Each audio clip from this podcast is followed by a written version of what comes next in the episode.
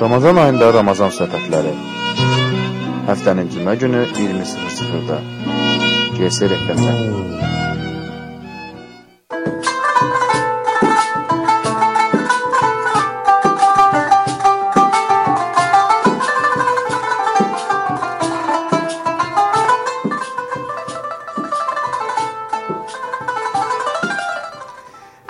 Xeyir olsun əziz dinləyicilərimiz. Siz Gənclərin Səsi radiosunda Ramazan söhbətləri proqramını dinləyirsiniz. Artıq Ramazan ayının sonuncu 4-cü cüməsini birlikdə yaşayırıq. Bakı vaxtı ilə saatlarımız 20:01-i göstərərkən mikrofon qarşısında isə sizinlə mən olacağam, Aydə Səlim.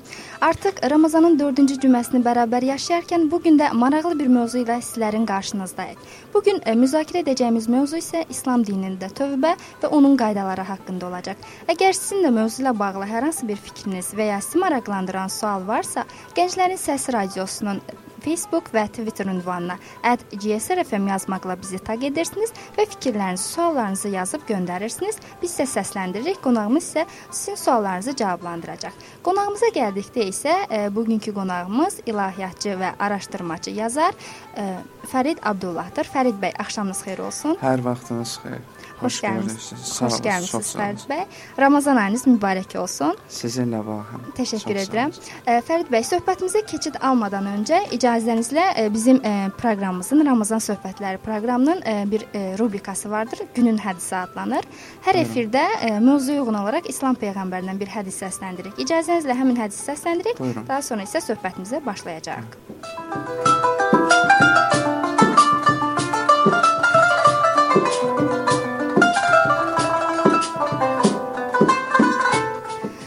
Peyğəmbəri Həzrəti Məhəmməd buyurur: Tövbə etmiş şəxsin 4 nişanəsi var. Əməli yalnız Allaha görə xalisləşdirmək, batili tərk etmək, haqqa bağlılıq və yaxşılığa hərislik.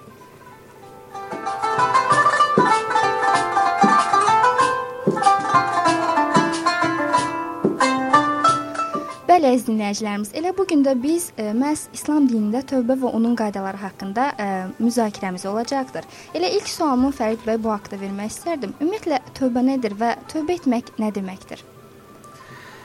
İlk əvvəl bu mübarək ayda dəvət etdiyinizə görə də sizə təşəkkür edirəm və yaradıcılığınızda da ə, e, ümumi kollektivə də ə, siz qarışıq uğurlar arzulayıram. Təşəkkür edirəm. Suala keçməmişdən əvvəl onu deyək ki, tövbə anlayışı ümumiyyətlə İslam dinində lüğəvi mənada da e, hər hansı bir günahdan e, günahı tərk etməkdir. E, ümumi e, mənası da odur ki, insan tutduğu pis e, vərdişlərdən, pis e, asilikdən, e, törətdiyi günahlardan e, tövbə edərək, yəni onları tərk edir və bir daha qərara gəlir ki, bir daha onları əməl etməyəcək və düzgün yola tərəf e, addımlayır və bu proses özü tövbə adlanır. Ə, o zaman bir şey soruşum. Tövbə yalnız günahlardan təmizlənmək üçündürmü, yoxsa sadəcə olaraq ruhun saflaşdırılması, yəni bu kimi də aid edə bilərikmi tövbə etməyi? Hmm, burada bir maraqlı fikir e, irəli sürülür. Tövbə yalnız günahdan həqiqətən ancaq günahkar bir insan tövbə edərmi? Biz əgərləri baxsaq görərik ki, ictimai aləmdə ə, həm də ə, Həzrət Peyğəmbərimiz və digər məsum imamlar da öz həyatlarında tövbə ediblər. Lakin biz araşdırsaq ki, onların etdiyi tövbə nədir? Ya həqiqətənmi onlar da günah iş görüblərmi, tövbə etsinlər? Biz görürük ki, xeyr.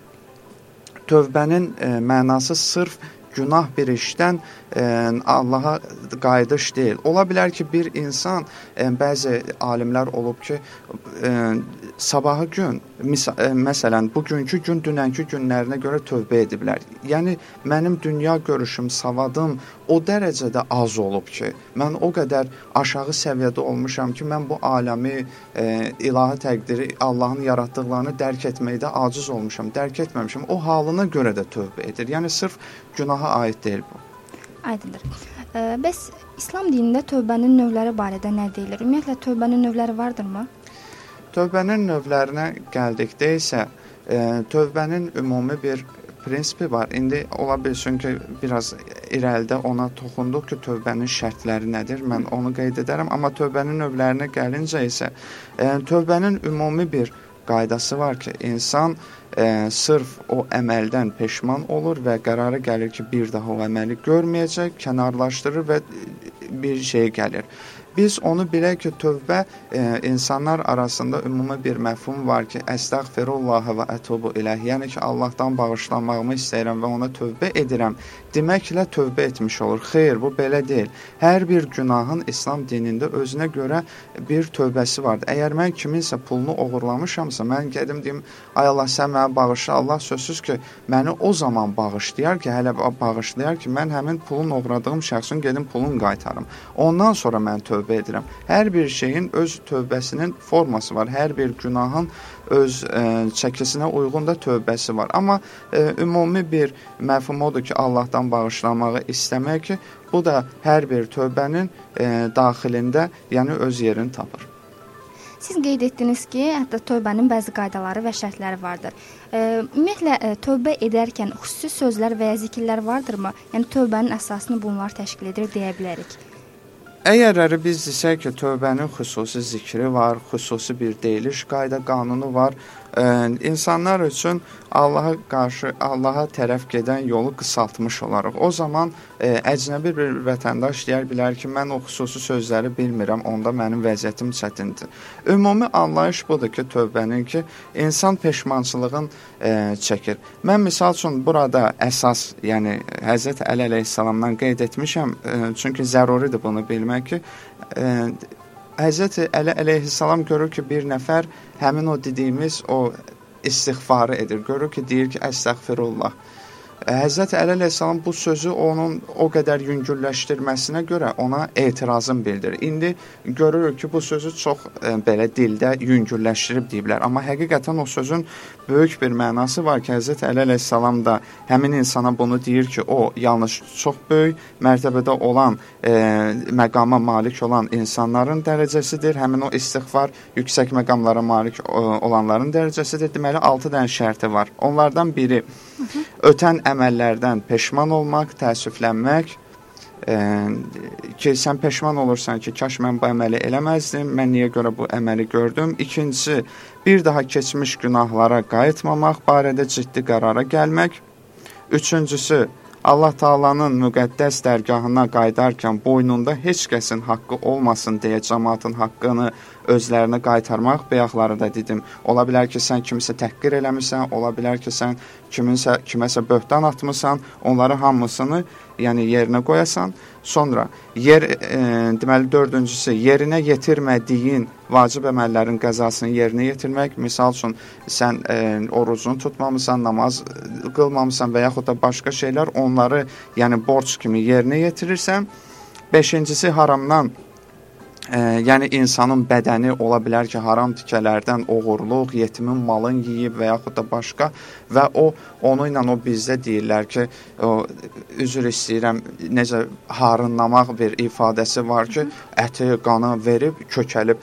Ona da deyirlər ki, o o qədər bacarmalıdır ki, öz bədənindəki o artıq tikələri ki, arıqladıb canından çıxartmalıdır. Sözsüz ki, burada məcazi mənada var ki, insan o yediklərin qaytarmalıdır. Həm də bu mənada axırıncısı da odur ki, e, insan ki, bədəndə nə qədər ki, günah e, işlər görüb və onun ləzzətini duyubsa, elə də Allaha itaətlə, ibadətlə e, onun e, əvəzin ödəsin. Məsəl üçün biz bəzi insanları bir dənə bu qısa cümlə ilə deyim ki, görürük ki, e, gəlirlər güya ibadət edirlər, Allah yoluna gəliblər, amma öz keçmişdə gördükləri işlərdən pəhpəhlə danışırlar. Danışırlar ki, əşi mən vaxtı ikən gedirdim, pulumu belə yerə xərcləyirdim, belə eləyirdim. Bu sözsüz ki, bir tövbə sayılmır. Çünki bu insan düzdür, tövbə sayılar, amma o nəsuh tövbə ki, o indi ola bilsin şeydə irəlidə dedi ki, səmimi qəlbdən olan tövbə deyil. Axı sən bunu eləmisənsə, indi gəlmisən din adına, amma halbuki sən etdiyin işlərdən pis deyilsən. Həm də ki, sən nə qədər günahdan özvə ləzzət duymusansa, indi də bu xeyir əməllərdən o həmin o ləzzətləri aradan apar. Aydındır. Siz az öncə ə, söhbətə başlayanda bir də ə, istighfar anlayışından istifadə etdiniz. Elə söhbətimizi bu məcrada davam etdirmək istərdim. Buyurun. İstighfar və tövbəni bir-birindən fərqləndirən cəhətlər vardırmı və ümumiyyətlə istighfar nədir? Bu haqqda məlumat verərdiniz ilk öncə. İstighfar ə, sözü özü ə, istifal babındandır. Yəni Allahdan bağışlanma diləməkdir. Hı -hı. Ancaq tövbə isə ümumiyyətlə o ə, işin o prosesin adıdır. Bu sözdə istiğfarda Allahdan bağışlanmaq tələb etmək odur ki, Allah e, insanları bağışlayır. Bu insanlara da şamil olsa insan kimisə bağışlaya bilər, ancaq Allahın bağışlanması başqa cürdür. Da özündən daha böyük bir varlıqdan, e, Allahdan bizi yaradandan özümüzü bağışlamaq diləyirik. Amma bu tövbə, tövbə isə tövbənin prosesi odur ki, mən bütün bunları edirəm e, kənarlaşdırıram və Allah Allah dərgahına yenidən e, düzgün insan olmaq üçün bu yolu tuturam, qayıdış edirəm. Yəni tövbə və istiğfar baxmayaraq ki, tövbənin içərisində hələ o istiğfar deyilən faktor da var ki, Allahdan bağışlanmaq istəmək. Yəni bu amma tövbənin anlamı daha bir e, bazı çevrəsi çox genişdir. Aydındır. E, dində xalis tövbə anlayışı da vardır, keçərlidir. Ümumiyyətlə xalis tövbəni digər tövbələrdən fərqləndirən cəhət nədir ki, ona məhz xalis tövbə deyilir? Bu e, Quranın bir neçə yerində var. Allah Taala bəzən tənqid edir. E, bəziləri var ki, Allah Taala Quranda da deyir ki, bəziləri var, gələrlər, deyərlər ki, biz iman gətirmişik. Onlara de, de ki, peyğəmbərə deyir ki, siz iman gətirməmisiniz, bəlkə də təslim olmusunuz, müsəlman olmusunuz, belə deyin. Amma tövbə etmək anlamı ə, e, o qədər böyükdür ki, burada da Allah Taala deyir ki, səmimi qəlbdən tövbə edin. Ola bilsin ki, Allah Taala sizin ə, e, günahlarınızın üstünü örtdü. Yəni insan həqiqətən peşman olmalıdır. E, mən bunu deyim ki, bizdə sadəcə olaraq tövbəyə qarşı laqeydlik bir balaca e, bizim öz məsuliyyətsizliyimizdəndir. Əgər biz bilsək ki, hansı bir otaqda kamera qoyublar və o kameradan bizi izləyirlər, sözsüz ki, biz hər nə qədər kompleksiz adam olsaq da, hər nə qədər e, deyək ki, hər şeyə qarşı xoş belə münasibət insan olsaq da öz əməllərimizə bir balaca riayət edəcək ki, bizi müşahidə edərlər, olmaz. Ancaq ona görə də bu məsələdə elədir ki, insan səmimi qəlbdən e, peşman olmasa, o işlərin e, bir bir faydası olmaz. Hətta bizə biri gəlsə, desə ki, e, biz bilsək ki, o insan bizə qarşı düşmənçilik eləyib, bizə qarşı cinayət işlədib və gəlsə, desə ki, məni bağışla, sən Allah bilməmişəm, amma biz bilsək ki, onun dediyi sözlər qeyri-səmimidir və yaxud da ki, bizdən hər nəsə umur və bizə işə düşdüyünə görə o sözü deyir. Biz onun səmimiyyətinə necə inanarıq? Biz onun bizdən üzr istəməsinə necə inanarıq?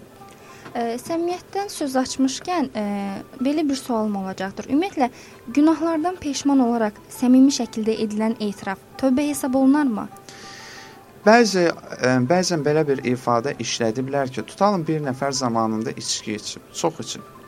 İndi tövbə edib və anlayıb peşman olub, istəmir, daha bu əməli tərk edir. Deyirlər ki, həmin insandan soruşsalar ki, sən içki içənsən, içmisən, ona icazə verilir ki, o üçün yox.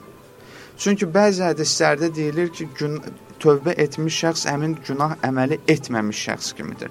Əgər bu şəxs hansısa bir bizdə var, mən təkcə bəziləri bizim millətə aid edirlər. Xeyr, mən bu ilə razı deyirəm. Bütün insanlarda var ki, elədiyi pis əməllərə görə insanın başına sərki vururlar. Sən keçmişin belə olub, sən keçmişin belə olub. Amma biz baxa bilərik ki, peyğəmbərin zamanəsində bir çox insanlar var idi ki, bütə sitayiş etmişdilər, şərabxorluq etmişdilər. Hətta aralarında elələr var idi ki, qızların diri-diri torpağa bastırmışdı və yaxud da ki, bəzi günah əməlləri. Ancaq onlara gəlib izah elədilər ki, siz necə nadan bir insan olmusunuz. Sözsüz ki, bir insan günahı dərk edib peşman olduqdan sonra o əgər gəlibsə, ondan sonra heç bir yerdə görülməyib ki, bir insanın etdiyi günah əmələ görə onun başına sərki vursun. Ya peyğəmbər, ya qeyri-səhabələr. Ancaq insanlar arasında bu var. Material toplayır ki, görür ki, bir balaca ağlamısından vaxtlarına düşüb biraz onun ağzını arayır, arayır, arayır. O da dərdini açır. Mən belə olmuşam, belə eləmişəm, belə səhvlər eləmişəm.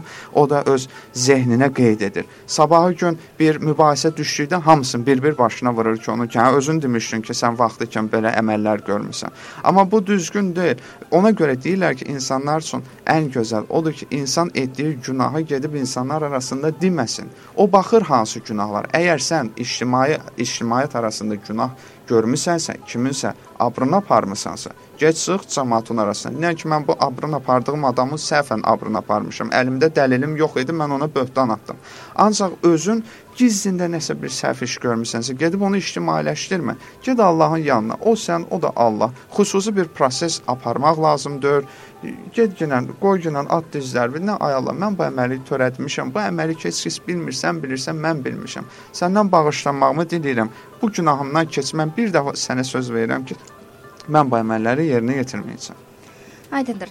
Ə, bir şey də ə, əlavə etmək istərdim. Ə, ümumiyyətlə eyni bir günah üçün dəfələrlə tövbə edilməsi haqqında İslam dinində münasibət necədir? Ə, bir dinləyicimiz yazıb göndərib: ə, "Salam axşamınız xeyir, qonağınızı salamlayıram. Biz də sizi salamlayırıq." Ə, Mən müəyyən günahlardan dolayı zaman-zaman tövbə edirəm, ancaq iradəmə hökm edə bilmədiyim üçün eyni günahı təkrar edirəm. Tövbəni pozduqdan sonra təkrar tövbə edə bilərəmmi? deyə yazıb göndərib dinləyicimiz.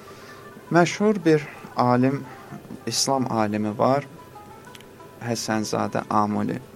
Onun gözəl bir ifadəsi vardı, məzmun cəhətindən öz sözümlə deyim.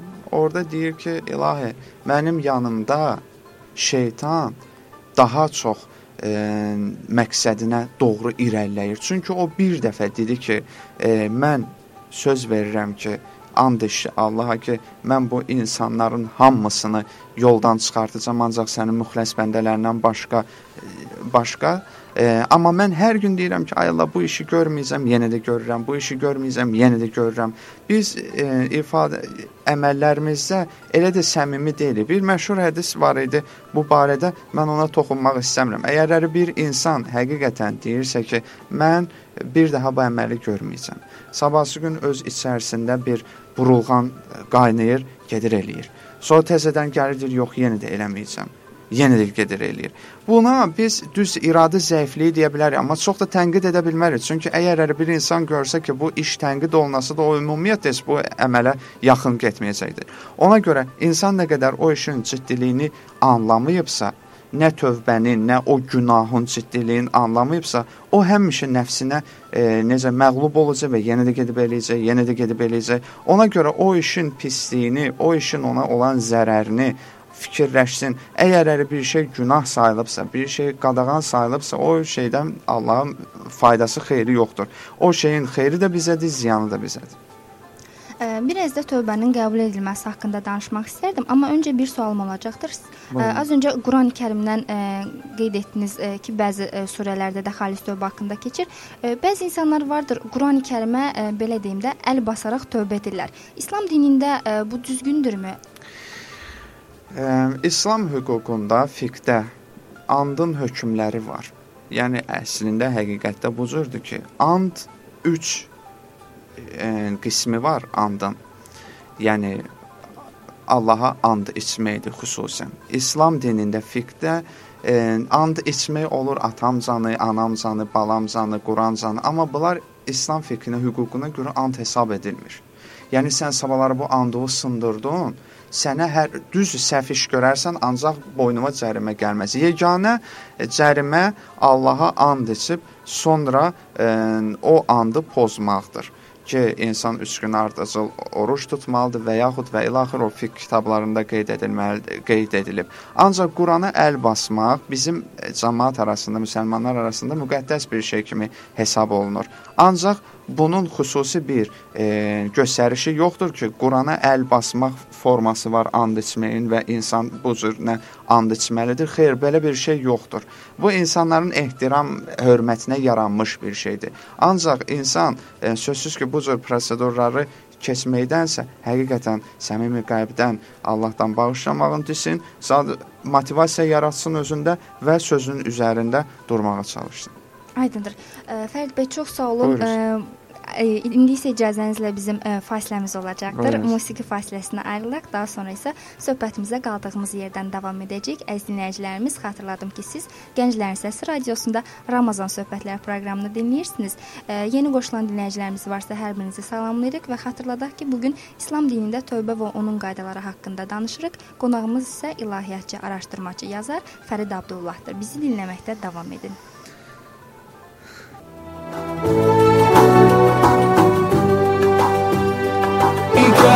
يا رسول سلام عليك.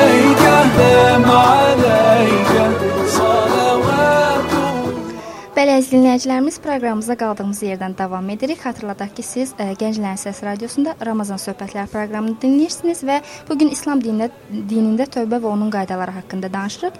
Elə ə, e, mövzumuza qaldığımız yerdən davam edərdik. Ə, e, ümumiyyətlə tövbənin ə, qəbul olunması hallarından danışdıq. Elə dinləyicilərimizin bu barədə sualları vardı. İcazənizlə ə, suala keçid alım. Bir dinləyicimiz yazıb göndərib: "Salam, axşamınız xeyir. Qonağınızı salamlayıram. Ə, soruşardınız ki, ə, mən tövbəmin qəbul olunduğunu ə, necə bilərəm?" Kafi adlı dinləyicimiz yazıb göndərmiş.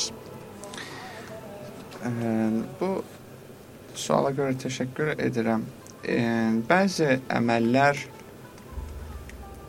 onun qəbul formaları da ki, bəndələrdən gizlədilmişdir müəyyən səbəblərə görə. Əgər biz namaz qılırıqsa, namazımızın qəbul olub olmamasını biz necə deyə bilərik ki, mənim namazım qəbuldur, mənim orucum qəbuldur, bəlkə qəbuldur.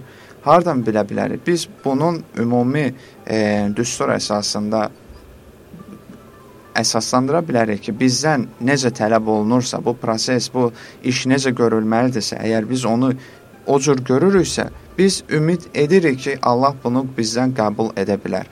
Tövbəni də əgər biz səmimi qəlbdən e, peşman olaraq e, deyiriksə və diləyiriksə və bir daha söz veririk ki, biz bu əmələ qayıtmayacağıq və elədiyimiz səhvlər ictimai səhvlərdirsə, onları düzəltməyə çalışırıq və yaxud da fərdidirsə, yenə də onu düzəltməyə çalışırıq. Sözsüz ki, çox e, ümid var ki, Allah Taala həqiqətən bu günahları bizim üçün keçəcəkdir.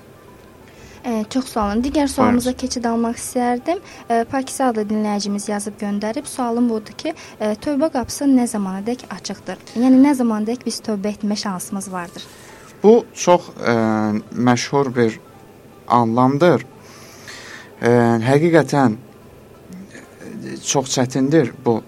E, Quranda da bu barədə buyurulub ki, Nisa surəsində ki, e, günah işlər görməkdə davam edərək ölüm yetişən anda mən indi tövbə etdim deyənlərin və yəni küfür halında kafir olaraq ölənlərin tövbəsi qəbul olunmaz. Biz onlar üçün şiddətli bir əzab hazırlamışıq. Bu burada e, bəzi insanlar var ki, misal üçün Fironu da misal çəkə bilərik ki, o Musa əleyhissalamı təqib edirdi və axırda da başına elə bir faciələr gəldi ki və ölüm anında tövbə elədi.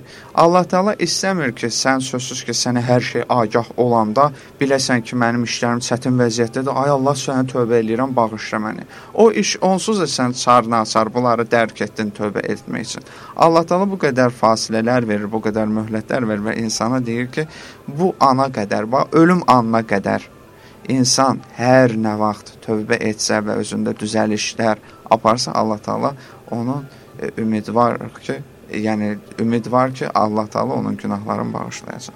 Ə, digər bir ə, dinləyici sualı ilə söhbətimizə davam etmək istərdim. Aytən adlı dinləyicimiz yazıb göndərib ki, axşamınız xeyir, sualım bu olardı ki, tövbə etməyin ə, fayda və nəticələrini yalnız bu dünyada mı görmək olar? Ümumiyyətlə axirətdə etdiyimiz tövbələr bizə şəfaətçi ola biləcəkmi?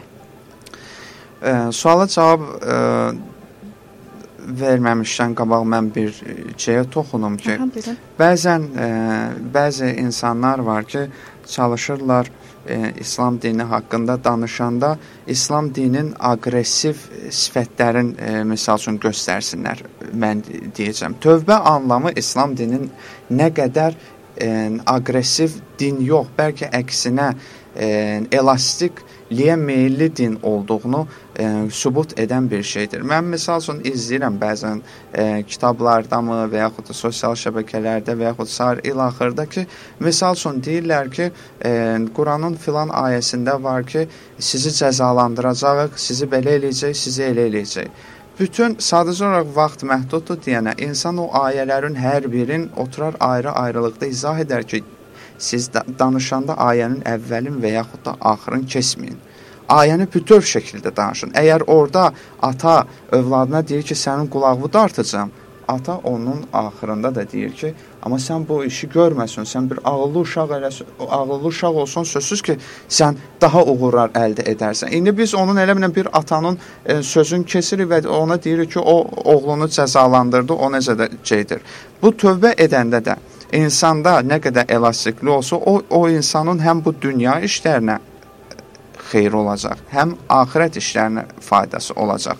Sözsüz ki, əgər mən bir günah iş görmüşəmsə və onu tövbəsini etdimsə, onu Allah Taala mənim üçün sildisə, mən axirət günündə sabahları o sualımın e, əgər bağışlanıbsa, sorğu-sual sorğu-sualını aparmayacaqlar məni ilə. Çünki o artıq məni ilə bağışlanıb. Yox, əgər mən qeyri-səmimi və yaxud da ki, e, xalq xətrin qalmasın, tövbə eləmişəm və heç bunun e, fərqinə də varmamışam. Belə olsa, bağışlanmasa sözsüz ki, burdan da keçəcək və axirət aləmində də məndən e, o əməlin sorğu-sualını aparacaqlar. Aydındır. Fərid bəy, e, bizim bir rubrikamız vardır. İftar menyusu rubrikası adlanır. Ola bilsin ki, dinləyicilərimiz arasında hələ də iftar süfrələrini hazırlaya bilməyənlər, çatdıra bilməyənlər vardır. Onlar üçün də bir resept səsləndiririk. İcazənizlə rubrikamıza keçid alaq, daha sonra isə söhbətimizə qaldığımız yerdən davam edəcəyik.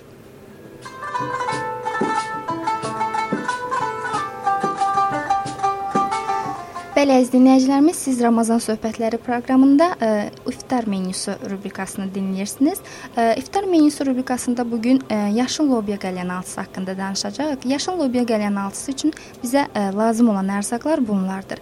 200 qram yaşıl lobiya, 10 ədəd qoz ləpəsi, 1 baş qırmızı soğan, 2 diş sarımsaq, 1 xörək qaşığı üzüm sirkəsi, 1 çay qaşığı şəkər tozu və zövqə görə duz istiot. Hazırlanma qaydası isə belədir. Lobiyanı təmizləyib əvvəlcə böyük hissə, hissələrə bölürük. Yuduqdan sonra üzərinə su əlavə edib qazanda odun üzərində bişiririk. Soğanın qabığını soyub yuduqdan sonra nazik halqa şəklində doğrayırıq. Sirkə ilə şəkər tozunu qarışdırıb soğanın üzərinə əlavə edib qarışdırırıq. Lobya bişənə qədər qalır. Daha sonra isə sarımsağın qabığını soyub, yuyub sarımsaq qəzəndən keçiririk. Qoz ləpəsini xırda şəkildə doğra doğrayırıq. Lobya bişdikdən sonra isə sudan çıxardıb soyuduruq. Lobya, soğan, sarımsaq, qoz zövqə görə duz istiyor əlavə edib astaca qarışdırırıq. Salatın Ətinin dadının çıxması üçün isə 3-4 saat əvvəlcədən hazırlamaq lazımdır. Qəlyanaltını zövqə görə bəzəyib süfrəyə verə bilərsiniz və artıq yaşıl lobya qəlyanaltınız hazır olacaqdır. Nuş olsun və Allah hər kəsin orucunu qəbul etsin deyirik. Amin proqramımıza da qaldığımız yerdən davam edirik və söhbətimizə davam etdirmək istərdim tövbənin təxirə salmaq barədə. Ümumiyyətlə dində tövbəni təxirə salmaq və gecikdirməyin əvəzi nələrdir? Tövbəni təxirə salmaq məsələsi e, bütün bir psixoloji bir çətinlik səbəbindəndir. Bu tövbəni təxirə salmaq təkcə tövbəyə dairdir. İnsan bəzən görürsən ki, həyatında digər işləri də təxirə salır. Sabah görərəm, səhər açılsın, görərəm, məktəbi qutarım, edərəm, e, universitetə daxil olum, bitirim, evlənim. Ondan sonra da görür ki, ölüm ayağında da artıq hər şey də gecdir. Ona görə də e, tövbəni təxirə salmaq sözsüz ki, insanın özündən e, qaynaqlanan bir şeydir. E, insan bu işin nə qədər ciddi olduğunu, nə qədər nələrlə nəticələnəcəyini bilmir. O buna qarşı sadəcə olaraq səhlənkardır. Əşi vaxt gələr, bir vaxt gələr mən bunları tərk edərəm, qurtarıb gedər. Heç o qədər insanlar var idi ki, o boyda böyük-böyük xəyallar qurmuşdular, amma sabahı gün yaşaya çıxar bilmədilər. Ona görə də bizə heç bir insan qarant verməyib ki, biz sabahı günə çıxa bilərik və yaxud da aqibətimiz nə ola bilər. Ona görə hansısa bir işi tək tövbəni yox, tək tövbəni yox, bizim insanlığımızı kamala çatdıracaq hər bir şeyi təxirə salmaq çox böyük bir qəbahətdir. İnsan bir şeyi zamanında görməlidir. Onu sabaha saxlamaq lazım deyil. Bizə e, yemək istəsək yeməyə, e, tutalım ki, iftara gəlmişik yemək yeməyə. Bizə desinlər, e, gedin, yo bu günləri siz yemək yeməyiz, gəlin sabahsı gün iftara sabahları yeyərsiniz, iki qat artığını yeyərsiniz. Bu necə gülünc görsənər? Axı biz bilirik ki, yeməyə qarşı nə qədər bizim ehtiyacımız varsa, başqa bir e, kamala, tərəqqiyə çatacaq sifətlərə də, xüsusiyyətlərə də ehtiyacımız var. Ona görə bunları heç vaxt təxirə salmaq düzgün sayılmır. Biraz da ümumiyyətlə tövbəni pozan insanın daşıdığı mükəlləfiyyətlər haqqında danışmaq istərdik. Belə ə, söhbətimizə bir dinləyici sualı ilə başlamaq istərdim. Ə, Günel adlı dinləyicimiz yazıb göndərib, ə, axşamınız xeyir qonağınızı salamlayıram. Biz də sizi salamlayırıq Günel xanım. Sualım bu idi ki, ə, biz ə, etdiyimizin günah olduğunu bilirik, amma ə, yenə də günahı işləyirik. Daha sonra isə tövbə edirik. Bu halda bizim tövbəmiz qəbuldurmu? Yəni bilərək günah etmənin. Quranda da ümumiyyətlə bu ifadə qeyd olunub ki, kim cəhalət üzündən, bilməzlik üzündən e, günah edib sonra tövbə etsə və ayənin dalı gəlir, təxminən bu məzmundadır. E, adətən Quranda e, bəzi şeylərdə Allah Taala zəmb əvəzinə səyyiətun e, ismini də işlədir. Onların arasında fərq var. Bilirsinizmi, bəzi əməllər var ki, biz onların günah olduğunu bilə-bilə edirik. Bəzi əməllər var ki, biz onu dərk etmirik. Deyə bilərik ki, ən çox bəhs olunan ifadə odur ki, Allah Taala bilməyərəkdən e, günah iş görən şəxslərin günahını e, üstündən keçər əgər tövbə edə etsələr.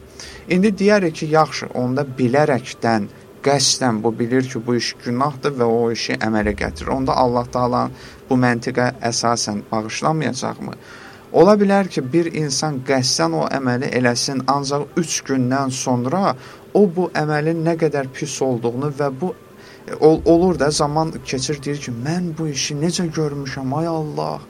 Peşmançılıq keçirir ki, o işin məfhumunu dərk edir və öz cəhalətinin, öz e, ağlının dayazdığını e, anlayır və ondan sonra biz görərik ki, bu bu həqiqətən buna çatdı və bu peş həqiqi peşmançılığa çatsa və tövbə eləsə desək ki, Allah Taala bunu qəbul eləməyəcək, bu da səhvdir.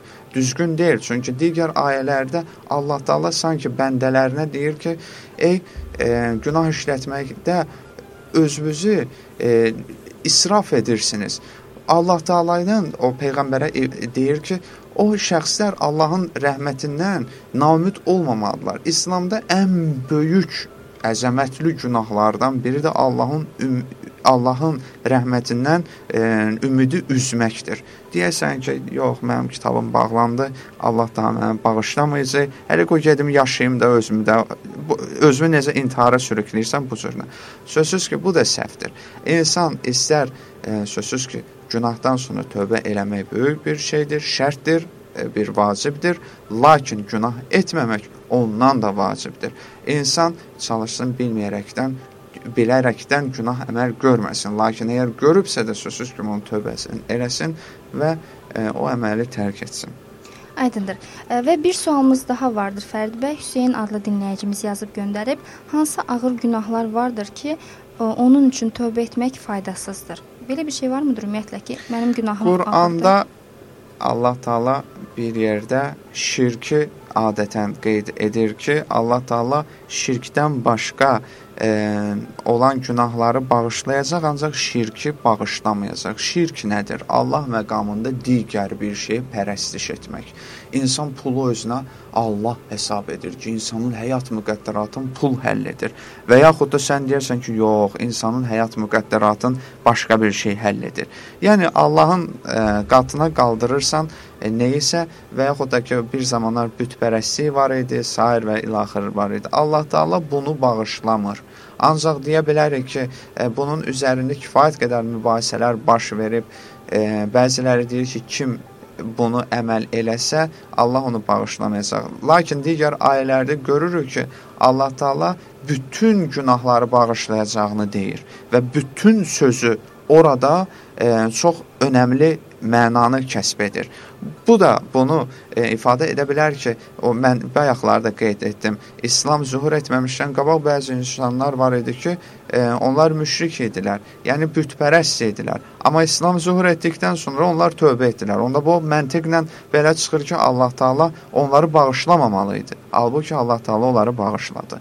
Ona görə yenə də bu anlama bayaqları qeyd etdik ki, haçana qədər tövbə keçərlidir və biz dedik ölüm anı yetişdi və insan öldü. O zaman o can onun e, necə deyərək ki, artıq canını tapşıran anda tövbə eləsə o tövbənin bir anlamı olmayacaq. Həmçinin bu da insan ölüb getdikdən sonra onun e, müşrikliyi, yəni şirk elədiyi bir şey onun üçün keçməyəcək. Lakin nə qədər həyatdadırsa, o əməlinin pisliyini anlasa və tövbə eləsə, sözsüz ki, Allah Taala onun üçün keçəcəkdir. Ə, və Fərid bəy proqramımızın bitməyinə sadəcə ə, 4 dəqiqə qalıb. Ə, son olaraq isə tövbə namazı haqqında biraz məlumat verərdiniz. Tövbə namazı necə olur? Tövbə namazı haqqında ə, bir neçə ə, fərzə bir neçə qılınma qaydaları var, amma adətən bəzən bu namazların qılınması insanlar üçün çətinlik yaradır. Amma e, yenə də daha gözəl olar ki, əgər əri bir insan günah bir iş görübsə, getsin, ə, dəstəmaz alsın, gəlsin bir xəlvət, heç kəs onu görməyən yerə. Bu elə bir bəzi insanlar var çıxır ki, mən tövbə eləmişəm, filan şeydən tövbə eləmişəm. Tövbə cəmaata açıq açıb bəyan etmək üçün deyil ki, o insan ara, insanla Allah arasında olan peşmançılığı e, biruzə vermək və əməli tərk etməkdir. Get heç kəs görməyən yerə səni, bir, heç kəs görmür. Otur, e, o əməlləri de. E, bəzi insanlar deyir ki, o insan o çirkin əməli dilinə gətirsə və gətirib onu e, izhar edə bilsə, açıqlaya bilsə, o insan böyük insandır və niyəsə nail olub. E, siz fikir verirsiniz, Qurandan əlavə digər psixoloqlar da bunu iddia edirlər ki, insan öz elədiyi çirkin əməlləri həmişə boynundan atır. Quran da deyir, insan həmişə məzərət axtarır, bəhanə axtarır. Heç vaxt boynuna qoya bilməzsən ki, bu işi sən görmüsən. Ya deyəcək atam elədi, ya deyəcək anam elədi, ya deyəcək ki, sinif yoldaşım elədi, amma atacaq. Axırda da dirənəndə, görəndə ki, heç nə eləyə bilmir, məcbur olacaq Allahın boynuna qoyacaq ki, Allah bunu məcbur elədi, alın yazısı idi, nə bilim nə idi. Ona görə də insan etiraf eləsin, lap namazı qılmasa da, adicə sözlə də desə, Allah onun tövbəsini qəbul edə, edər. Əgər əri xeyr, e, namaz qılmaq istəyirsə, elə adicə dəstəmaz alsın, iki rükət namaz qılsın, adını da qoysun ki, mən tövbə namazı qılıram, qürbətən ilə Allah. İnşallah ki, Allah onu da qəbul edər. E, çox sağ olun Fərid bəy. Artıq e, efirimizin son dəqiqələrini, saniyələrini yaşayırıq və son olaraq mən də e, sizə təşəkkürümü bildirirəm. Çox, çox sağ olun.